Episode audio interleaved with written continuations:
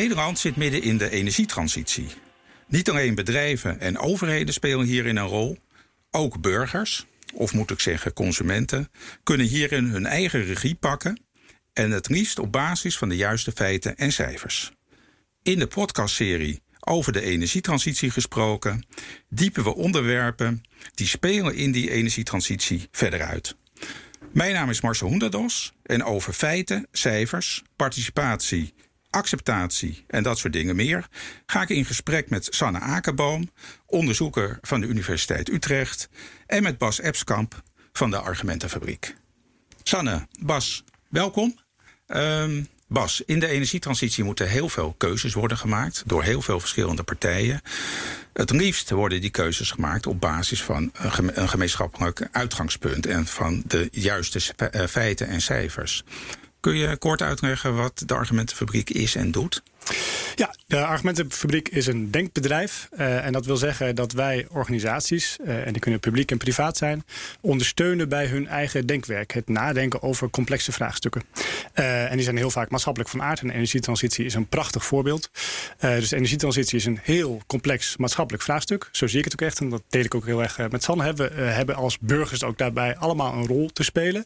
en wat mij betreft hebben we ook allemaal de verantwoordelijkheid om onszelf te informeren en mee te denken en mee te beslissen over hoe we die energietransitie gaan vormgeven. Nou, en eh, wat wij dan doen, is met publieke en private partijen uh, eigenlijk nadenken over hoe je deelvragen rond die energietransitie zo goed mogelijk met elkaar kan beantwoorden. en wat wij vanuit de argumentenfabriek doen, is zo'n complex maatschappelijk vraagstuk ophakken in deelvragen. en met de juiste experts samen nadenken over hoe je die vragen stap voor stap kan beantwoorden. Ja. En dan kun je denken aan beleidsmakers die nou ja, een ingewikkeld beleid voor een gemeente uh, moeten maken over hoe we uh, gebouwen van uh, uit aardgas afkrijgen. Dat is super complex. maar het kan ook gaan over grote bedrijven die een hele koerswijziging ondergaan en die nou ja, hun energie. Ehm, afhankelijkheid van fossiele bronnen moeten inruilen voor duurzame bronnen. Kan je wat concrete voorbeelden geven van dingen die jullie gedaan hebben in de energiewereld? Ja, nou ja, een, uh, voor ons uh, klassiek product als argumentenfabriek is de argumentenkaart. En wat we met een argumentenkaart doen is eigenlijk uh, alle argumenten die een rol spelen in het maatschappelijk debat zo overzichtelijk mogelijk weergeven in één overzicht. Uh, en dat kun je bijvoorbeeld doen rondom nou, zo'n grote ingewikkelde vraag als moeten we nou stoppen met het winnen van aardgas. Uh, dat speelde natuurlijk heel erg een aantal jaar geleden rondom uh, de aardbevingen in Groningen. en wat wij dan doen is rondom zo'n vraagstuk moeten we wel of niet stoppen. eigenlijk met een hele brede groep deskundigen spreken om hen te vragen wat zijn nou alle argumenten die we moeten meewegen als we over deze ingewikkelde beslissing een keuze moeten maken. Uh, en dan spreken we bijvoorbeeld uh, met de NAM, maar ook met de Groninger Bodembeweging. En we spreken met Greenpeace en het havenbedrijf Rotterdam. En nou ja, je kan, het, uh, je kan alle kanten op, maar met heel veel verschillende partijen. om van hen allemaal te horen wat nou allemaal argumenten zijn die je moet meewegen. En het resultaat daarvan is dat je één overzicht krijgt. en dat ook gewoon voor burgers of voor andere betrokkenen in dit vraagstuk. Ehm, je eigenlijk grip krijgt over wat moet ik nou allemaal in mijn hoofd afwegen als ik zo'n complex vraagstuk wil doorgronden en daar tot een weloverwogen uh, beslissing over. En, en wat zijn jullie opdrachtgevers dan? Is dat overheid? Is dat bedrijfsleven? Ja, die zijn gelukkig, zou ik zeggen, heel divers. Dus ja, dat zijn de ministeries. Uh, die, die zijn onze opdrachtgever uh, rondom allerlei beleidsvraagstukken die spelen rondom de energietransitie. Maar het zijn ook vaak gemeenten. Uh, omdat die een uh, veel grotere rol gaan spelen in de energievoorziening en in de energietransitie dan ze in het verleden deden. maar het zijn ook vaak private bedrijven. En wat ook heel leuk is, en vind ik zelf ook heel belangrijk, is dat dat samenwerkingen tussen beide zijn. Sanne, dan hebben we het over feiten en cijfers en over de burger, zeg maar. Hè. Jij hebt veel onderzoek gedaan naar burgerparticipatie, ook in de, in de energietransitie. Zijn die feiten en cijfers altijd het uitgangspunt voor de burger? Of speelt daar nog wat anders mee? Eh, dat is een hele abstracte vraag natuurlijk. Um, speel, ja, cijfers uh, zijn natuurlijk heel erg belangrijk. En mensen baseren hun keuzes daar wel op. Maar mensen maken soms ook uh, beslissingen die niet helemaal in lijn zijn met wat die feiten uitwijzen. Uh, zo hebben bijvoorbeeld in het verleden mensen als voorloper veel eerder zonnepanelen gekocht dan dat er een business case was. Omdat zij echt werkten vanuit de overtuiging dat zij moesten handelen voor het klimaat. En tegelijkertijd zien we ook alweer er mensen die nu een business case voor zonnepanelen hebben en ze niet aankopen. Dus er zit altijd ook een emotioneel component in dat handelen uh, van, mensen. Is, is, merk je daar een verschil in, zeg maar, nu ten opzichte van pak een beter uh, 10, 15 jaar geleden? Gaan, mensen nu zeg maar wel meer uh, uit van, van die feiten en cijfers en wat minder vanuit die emotie? Of loopt dat nog heel erg door elkaar heen? Uh, daar kan ik geen antwoord op geven of ze meer of minder emotioneel han, uh, handelen. Maar ik denk wel dat het onderwerp energie en energietransitie veel helderder en duidelijker naar voren komt. En mensen worden steeds vaker geconfronteerd met die vraagstukken. En wat kan ik zelf doen? Wat doet de maatschappij? Wat doet de politiek? Hoe kijk ik naar toekomstige generaties? Heb ik kinderen of niet? En maak ik mij nu meer zorgen dan 10 à 15 jaar geleden? En er is zoveel, zodanig veel meer berichtgeving over. Uh, dat je toch twee kanten in die maatschappij ziet. Hè? Mensen die sneller willen gaan, die uh, dus die zonnepanelen al lang en breed gekocht hebben. En je ziet toch ook. Um, ja, twijfelaars zou ik het willen noemen. Mensen die toch vragen, vragen hebben over wat zijn de andere gevolgen daarvan. En we zien uh, het overgrote doel waarvoor we het doen. Maar hoe zit het nu met de kostenverdeling of de, de impact die bepaalde beslissingen hebben op mij, op de leefomgeving? En dat, dat is denk ik een natuurlijk gevolg van het feit dat het zeker in de laatste vijf jaar gewoon een veel belangrijker onderwerp op de agenda, maatschappelijke agenda is geworden.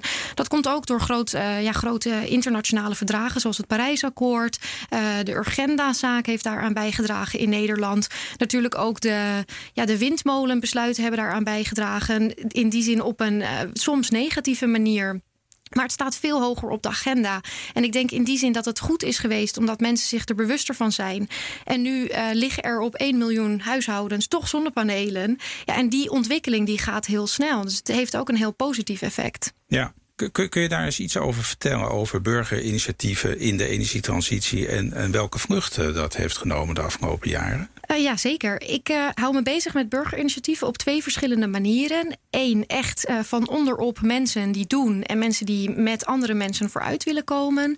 En aan de andere kant deze mensen, maar ook mensen die nog niet initiatieven hebben, die mee willen doen in de besluitvorming over diezelfde energietransitie. En die initiatieven die hebben al een langere periode gevraagd om geef ons nou de ruimte om zelf te kunnen handelen, want wij kunnen een bijdrage leveren in de positieve zin aan die energietransitie. En daar zag je toch een hele lange tijd dat ja, die energieinitiatieven die werden weliswaar belangrijk gevonden en serieus genomen, maar die kregen nog niet de volle juridische ruimte ook om zich te ontwikkelen. Uh, er zijn toch best wel wat regels over wanneer je aan een huishoudelijke consument mag leveren. En daar voldeden zij niet aan. Dus hun initiatieven die stookten vaak bij, uh, die stopten vaak bij uh, ja, gezamenlijke inkoop van zonnepanelen, het leggen op een ander dak. En daar kon dan een belastingvoordeel voor verkregen worden. Maar nu zie je ook dat vanuit de Europese Unie die regels daarover veranderen. Omdat die rol van burgers, omdat iedereen moet meedoen, dat heb je absoluut nodig om die energietransitie succesvol te ondernemen. Heeft de Europese Unie nu gezegd: ja, ik zie dit, ik erken dit. Uh, ja, en wij gaan andere regels maken voor energiegemeenschappen. En dat moeten lidstaten, waaronder Nederland dus ook, mogelijk gaan maken. Dus wij krijgen straks in de wetgeving een erkende vorm voor gezamenlijke energieinitiatieven die onder andere juridische regels iets gemakkelijker uh, ja, tot wasdom kunnen komen en dingen kunnen doen die ze vijf jaar geleden absoluut niet konden doen. Je had het even over Europa. Heb je, heb je ook zicht op hoe Nederland, de Nederlandse burger het doet in vergelijking met, met, andere, met burgers in andere Europese landen? Wij hebben een, een, een, een vrij uh, bloeiende gemeenschap, denk ik, van energiecollectieven die groeit. Uh, die zien we nu ook opkomen in de warmtetransitie. Omdat wij in Nederland natuurlijk van het aardgas of met het aardgas stoppen en een alternatieve warmtevoorziening uh, willen starten. Ja, en daar zag je toch binnen de kortste keren uh, energie-initiatieven oppoppen in verschillende wijken. En die proberen nu ook in het debat over ja, de nieuwe warmtewet te kijken, ja, welke, welke bevoegdheden krijg ik hier, welke regels gelden er straks voor mij uh, en, en, mag ik als volwaardig lid gaan meedoen. Dus daarin, zeker in die warmtetransitie in de gebouwde omgeving, zijn we verder. Omdat wij nou eenmaal dat vraagstuk hadden liggen over aardgasproductie in eigen land vanwege eigen Groningen. En dat zie je in andere landen nog helemaal niet. Ja, want in uh, Europees gezien doen we het nog niet zo heel goed hè, met de verduurzaming. In, in de breedte gezien, zeg maar. Ja, daar bestaat discussie over. Want dat kan je op verschillende manieren lezen. Een aantal van de doelstellingen behalen we. De energie-efficiëntie en de CO2-emissiereductie volgens Europa ligt aardig in de lijn. De CO2-emissiereductie ligt dan weer niet in de lijn met Urgenda. Alhoewel de coronacrisis daar ook alweer wat over te zeggen kan hebben. Maar wij hebben vrij slecht gepresteerd op het aandeel hernieuwbare energie. En al helemaal in vergelijking met andere landen die eerder zijn begonnen met hernieuwbare bronnen. Ook andere bronnen aanwezig hebben, zoals uh, waterkracht. Ja, daar kan je moeilijk tegenop. Is dat iets, herken jij dat, eh, Bas, vanuit jouw werk? Of hebben, doen jullie ook uh, zeg maar Europees onderzoek? Of beperk je het tot Nederland? Wij werken voornamelijk in Nederland. en ik heb niet met Europese partijen over de energietransitie bekeken of een vergelijking gedaan tussen hoe Nederland ervoor staat of hoe we ons verhouden tot andere Europese landen. Kijk, jij wel het algemene beeld wat Sanne schetst. Uh, in, in die zin dat uh, wij vanuit echt wel een achterstandspositie, zou je kunnen zeggen, begonnen als Nederland als het gaat over hernieuwbare opwek. Uh, en dat is denk ik ook wel deels omdat wij natuurlijk van oudsher heel erg onze infrastructuur hebben gebouwd rondom aardgas. en daar heel veel van onze ja, energieinfrastructuur uh, op hebben ingericht. En onze bedrijven zijn erop gericht, onze huishoudens zijn erop gericht. En dat betekent dat wij een forse omslag te maken hebben als Nederland. Uh, Sanne, even terug naar jou. Burgerinitiatieven. Kan jij eens uitleggen wat, wat, wat mogelijke schuurpunten zijn laat ik zo maar even zeggen, bij, bij het starten van zo'n initiatief? Dat, dat heeft verschillende elementen. Dat, dat heeft organisatorisch, financieel en, en juridische elementen. Voor het organisatorisch, dit zijn vaak vrijwilligers die het in hun eigen tijd doen. Uh, ja, daar, daar moet je dus ten eerste ook de tijd voor vinden, maar ook de kennis voor hebben of weten te vinden. Uh, dit, dit soort initiatieven moeten op een gegeven moment, zeker ook in de warmtetransitie, toch expertise gaan inkopen. En dat zijn ook vaak behoorlijke bedragen. Dus ook ja, hoe financieren deze mensen zich? Zichzelf. Dat zijn niet de bedragen die je uit een spaarpotje uh, neerlegt. Commerciële warmtebedrijven, laat ik het dan maar zo even noemen, die al bestaan op die warmtemarkt, die kunnen natuurlijk op een andere manier met hun uh,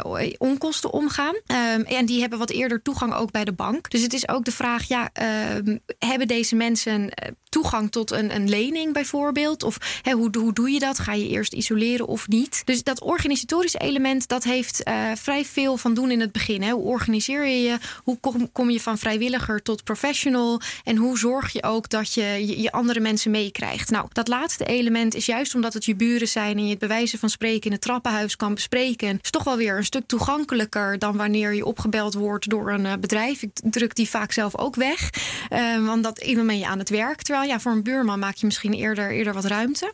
En dan is het juridische element ook heel belangrijk. Vanaf het moment dat je uh, wilt gaan leveren, bijvoorbeeld met je eigen zonnepanelen, dan mag ik nu niet aan jou leveren als wij allebei een huishoudelijke consument zijn en daar niet de juiste vergunning voor hebben. Nou, met die, een, met die warmtewet uh, wordt er een uitzondering ingebouwd voor kleine initiatieven. Maar heb ik daar op basis van het voorstel toch ook nog wel wat vragen over wanneer die in het proces bijvoorbeeld aan bod komen. Er staan ook nog wel wat argumenten in dat als je die uitzondering wilt, dat het dan niet aan de business case van een groter of commercieel warmtebedrijf uh, weg mag nemen. Ja, hoe, hoe toon je dat aan als klein initiatief? En dat zijn... Wanneer gaat die warmtewet komen? Die is nu voorgesteld. Uh, er, nee, pardon. Uh, er ligt een voorstel. Die heeft ter consultatie gelegen van de zomer. Het ministerie van Economische Zaken en Klimaat kijkt nu naar de consultatiereacties. Die zijn binnengekomen. Die zijn onder andere van mij binnengekomen. Maar ook van burgerinitiatieven. En, en van, van, van, van vertegenwoordigers van burgersinitiatieven. Als mede de bestaande warmtebedrijven. En EZK, die, het ministerie van EZK, die kijkt nu naar wat zij met die reacties wil doen. En komt dan met een voorstel dat nog door de Eerste en Tweede Kamer besproken moet worden. Dus daar zit nog een heel politiek proces aan vast. Hoe, hoe doen jullie dat eigenlijk zelf? Persoonlijk thuis, hè? Bij, bij jezelf thuis met, uh, met, met jullie eigen verduurzaming?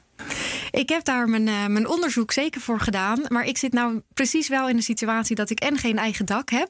En ook heel moeilijk uh, zelf een warmtepomp zou kunnen installeren. Ehm, dus ik denk, ja, ik wacht toch een beetje op de collectieve voorziening. Uh, gewoon omdat ik het niet helemaal zelf kan doen. Nu ben ik nog niet bekend met een energieinitiatief in mijn buurt. Maar weet ik wel dat er uh, hard aangetrokken wordt. Ja, nou, uh, ook voor mij geldt, ook al ben ik dagelijks voor mijn werk met energie bezig. ook thuis ben ik ook deels afhankelijk gewoon van goede informatievoorziening. in dit geval ook vanuit de gemeente over wat de plannen zijn voor mijn wijk. En dat geldt natuurlijk voor heel veel burgers, inwoners. Um, dus deels is het natuurlijk wel een, een, wisselwerking tussen individuele keuzes en collectieve keuzes. Ja. En voor, voor, mijn individuele keuzes ben ik ook afhankelijk van duidelijkheid over wat die collectieve keuzes zullen gaan zijn. Is dat een van de dingen waar je ook tegenaan loopt, Sanne, in jouw onderzoek? Het, aan de ene kant burgerinitiatief, aan de andere kant de rol van gemeenten. Hoe, hoe, hoe, verhouden die twee zich tot elkaar? Loopt dat altijd met elkaar in de pas? Of zit er een discrepantie? Of hoe moet ik dat zien? Ik begon mijn proefschrift een tijdje geleden. Um, omdat ik zag dat er veel burgerinitiatieven inderdaad waren rondom energie. Uh, dat heel veel gemeenten extreem ambitieus klimaatbeleid hadden geformuleerd. Energie of klimaatneutraal bij dat en dat jaartal. Uh, en daar, daar viel het mij toch op dat op het moment dat het er dan om ging... Hè, de, de energieinitiatief naar de gemeente ging en zei... ja, ik loop ergens tegenaan, kunnen jullie ons helpen? Uh, dat er toch vaak gezegd werd, ja, dat loopt dus niet in de pas met wat wij hadden willen doen. Um, en wij gaan door met ons eigen beleid. En op dat moment dacht ik, hè, wat is dat nou gek? Want het leek, leek mij dat je iedereen nodig zou hebben in de energietransitie. En dat blijft ook naar voren komen in transitietheorieën. Ja, je moet alle mogelijkheden aangrijpen die je maar hebt.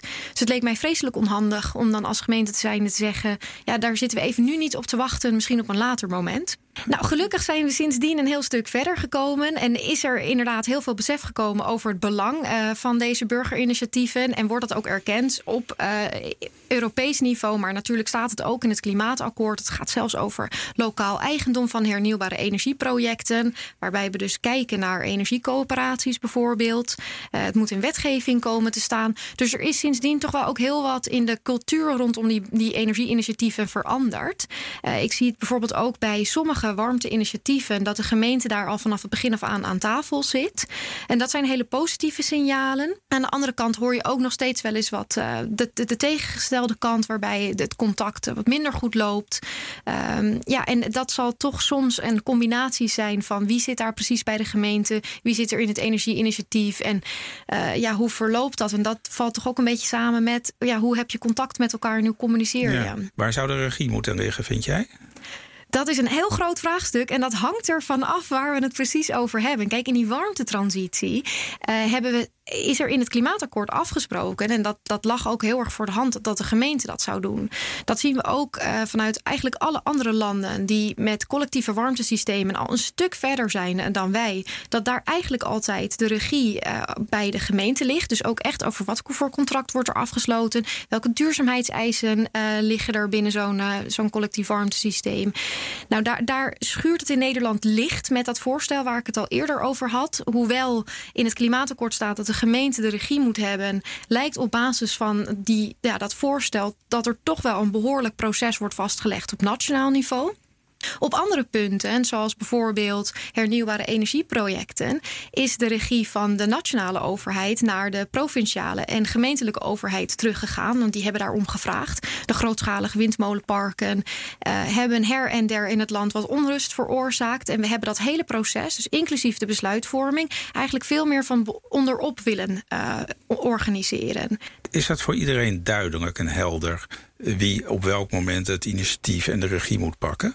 Ik denk het niet. Nee. Maar ik denk uh, dat er wel meer onduidelijkheden bestaan in de energietransitie. Niet alleen over wie heeft bevoegdheden en wie heeft mogelijkheden. Uh, maar ook wat hebben we nou precies afgesproken. De discussie over van gaslos tot aan uh, aardgasvrij, die, die is al best heel lastig. Maar ook wat, wat, wat zijn we in 2050 nu precies? Soms gaat het over klimaatneutraal of energieneutraal. Een ander praat stevast over aardgasvrij. Uh, maar dat is natuurlijk niet het enige wat we aan het doen zijn. Ik lees het klimaatakkoord uh, vrij regelmatig. Iets vaker, denk ik, dan dat je zou moeten willen. Maar ik ga ook steeds terug daarnaar, omdat. 272 ook... pagina's. Ja, ja ik weet het. Ja, hij staat op mijn desktop. Ja. Ik uh, open hem heel, heel regelmatig.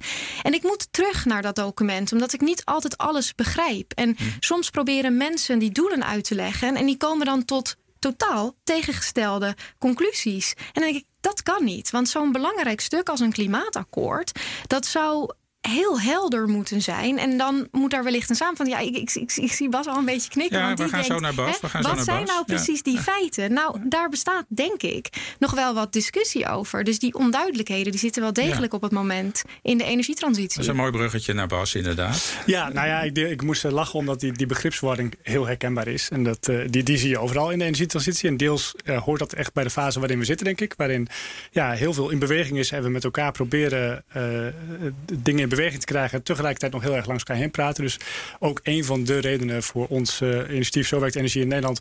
Om dit soort begrippen eh, wat eh, duidelijk vast te leggen met elkaar. Niet om daarmee ook alle onduidelijkheid uit zo'n klimaatakkoord weg te nemen. Want ik denk wat je daarin ook heel erg ziet, is dat een klimaatakkoord natuurlijk ook een onderhandelingsuitkomst is. En kenmerkend voor onderhandelingen is nou juist dat je de taal ook gebruikt om tegengestelde belangen eigenlijk via de taal eh, eh, een plek te geven. eh, en te zeggen, we hebben samen een akkoord.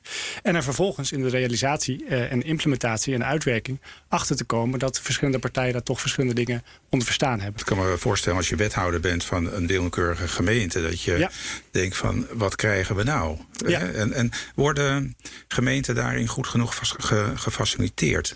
Nou, daar gebeurt van alles aan. Hè. Dus daar gaan veel van de afspraken ook over uit het klimaatakkoord natuurlijk. Wat, wat kunnen we doen om die gemeenten ook te ondersteunen bij hun eh, nieuwe verantwoordelijkheden. Eh, maar dat gaat niet vanzelf. Dat is eh, echt gewoon heel hard werken met elkaar. eh, om eh, dus op een toegankelijke manier voor raadsleden, voor wethouders, maar ook voor directeuren van woningcorporaties die eh, tot 2030 anderhalf miljoen woningen, eh, tenminste een groot deel daarvan, eh, van aardgas moeten gaan afkrijgen. Ja, dat zijn allemaal plekken waar een enorme behoefte eh, bestaat aan overzicht, eh, inzicht in dat energiesysteem, in de afspraken die met elkaar gemaakt zijn. Eh, en dat is dan pas de basis om met elkaar in die moeilijke beslissingen te gaan. En dan jou, dat eh, klimaatakkoord ligt bij jou op je nachtkastje, Sanne. Ja. Bij jou zit hij ook vast ergens in je voorhoofd, eh, Bas. Eh, en als je, daar, als je daar zo doorheen kijkt, wat, wat zijn dan voor jullie de hiaten erin, zeg maar? Nou, eigenlijk de vraag anders gesteld. Wat, zou, wat zouden jullie tips zijn voor de opstellers van het akkoord voor de komende jaren? Ehm, ik, ik heb meerdere vragen bij het klimaatakkoord. Eh, niet alleen over de uitkomsten en de inhoud en de manier waarop dat is opgeschreven. Maar ik heb ook nog een paar vraagtekens over het proces en de democratische legitimiteit eh, daarvan. Eh, kijk, Bas, ik ben het helemaal met jou eens. Het is een uitkomst van een onderhandeling. Dat lees je terug in de tekst. Toch ja, vult dit voor een heel groot gedeelte ons klimaatbeleid in Nederland in. De meest belangrijke afspraken zijn ook vastgelegd in het klimaatplan en onze rapportages aan de Europese Unie, waarin we laten zien dit is wat we gaan doen. Dus dat zijn vrij fundamentele keuzes, toch die daar ook gemaakt zijn. Uh, en er is nog wel een vraagstuk over ja. Hebben burgers nou voldoende kunnen meepraten hierover? Uh, er zijn een aantal groepen die dat pertinent vinden van niet. Nou, Extension uh, Rebellion vraagt bijvoorbeeld om uh, meer participatie van burgers in die besluitvorming. het staat nu ook in het verkiezingsprogramma van de D66. En ik ben daar ook aanhanger van. Ik heb daar ook vraagtekens over of dat niet op een andere manier georganiseerd had kunnen worden aan het begin. Um, dus ik zou graag willen dat als er nog een klimaatakkoord komt voor het decennium tussen 2030 in 2040, dat we beter kijken naar het proces, wat je had willen bereiken met verschillende uh, momenten in dat proces. En dat je dan dus ook gaat kijken naar de representatie van verschillende partijen aan die tafel. Dan waar het gaat om de inhoud. Ik lees dan zo'n stuk toch ook wel weer als jurist. En dan vallen dingen mij toch wel op. En ik had ook wel gehoopt dat iets wat zo belangrijk was voor het klimaatbeleid, wat toch voor een heel groot gedeelte dat invult, dat dat iets minder een onderhandelingsuitkomst was. En dat dat iets prettiger leesbaar was. En dat je dus niet steeds uh, terug hoefde naar, maar wat staat hier nou precies? Wat is de formulering van dingen? Wat is de afspraak? En kan ik dat er onmiddellijk uithalen? En dat er ook gekeken was naar, is het helemaal implementeerbaar? En is het uh, te monitoren? Want ook er is een hele grote um, ja, monitoringssystematiek opgetuigd, als ik het zo mag zeggen. Uh, er gebeurt nogal heel erg veel. Er ook de EU stelt eisen daaraan. Daar moet je ook dingen aan laten weten. Dat is een behoorlijk proces. Waarvan ik me dan toch afvraag, goh, maar gaat dat dan de, de, de, kennis opleveren die we nodig hebben? Hebben we van tevoren bepaald wat we moeten leren, wat we moeten monitoren, hoe we monitoren? Hebben we daar afspraken over gemaakt? Hebben we het over hetzelfde? Gaat het over verduurzaming in den brede? Of is het dat aardgasvrij? Nou, dat zijn toch nog best wel hele fundamentele vragen die ik voor die monitoringsperiode wat helderder uh, zou willen terugzien. Ja, Hoe, zou je dat kunnen ondervangen, denk je, in de toekomst? Dit soort wezenlijke dingen waar je het nu over hebt? Um, ik denk dat wat heel erg belangrijk is, en dat is een van mijn standpunten die ik wel vaker hanteer, is dat met heel veel verschillende maatregelen dien je verschillende doelen. En dat klinkt heel vaag, maar daar bedoel ik mee. Um, de energietransitie doen we voor toekomstige generaties, maar ook deels voor nu. De schone lucht is ook een belangrijk punt. Eh, we zitten hier in een stad die, waarvan de luchtvervuiling toch eh, op een niveau is die je niet zou willen. Dus ook voor ons moet het klimaat er beter uitzien op het moment dat je dan zo'n energietransitie gaat ontwerpen en je gaat daar beleid voor maken, dan ga je niet alleen kijken naar hoe bereik ik die schonere lucht of die uh, tegengaan van klimaatverandering, maar je kijkt ook naar waar liggen de lusten en lasten en zijn die eerlijk verdeeld en kunnen er nieuwe partijen toetreden en zijn er partijen die meerdere opties hebben of niet. Heeft iedereen gelijke kansen tot die verduurzaming? Dus stiekem eh, ja, benader je heel veel verschillende subdoelen. En die moet je altijd voor ogen houden op het moment dat je beleid ontwerpt. Dus op het moment dat je zo'n proces ontwerpt, is je einddoel niet alleen het afspreken van manieren om tot 49% CO2-emissiereductie te komen. Je, je wilt ook al die, die andere doelen bereiken. En je wilt ook kijken naar zit die vertegenwoordiging nou goed in elkaar? Hoe zit het met de democratische legitimiteit? En is het leesbaar? Is het implementeerbaar? En je bewust worden van welke doelen je precies probeert te bereiken, helpt denk ik heel erg bij het ontwerpen van het juiste proces daarvoor. Ja, oké. Bas, even terug naar de vraag. Zit hij nog in je hoofd? Hij zit nog in mijn hoofd. Ik ga hem ook niet helemaal volledig beantwoorden. Want ik vind het niet helemaal mijn positie om inhoudelijk iets te vinden van, uh, van het klimaatakkoord en, en, de tips die erbij. een schot voor de boeg dan. Nou ja, wat ik, uh, wat ik wel uh, daarin zie is dat je. Um, dat klimaatakkoord is natuurlijk in zekere zin ook nog steeds, ondanks alle betrokkenheid van zoveel uh, verschillende partijen, uh, nog steeds met veel insiders uit het energiesysteem tot stand gekomen. En misschien kan het ook niet anders. Dat zijn degenen die op dat moment ook de kennis hebben. Uh, tegelijkertijd weten we ook dat er een nog veel bredere groep partijen, mensen, bedrijven, overheden betrokken moet gaan worden om op al die, die verschillende niveaus de komende jaren aan de slag gaan. Dankjewel voor jullie bijdrage in deze podcast. Dit was een podcast in de serie over de energietransitie gesproken. En hij is te beluisteren via de online kanalen van EBN en ook via de website van BNR.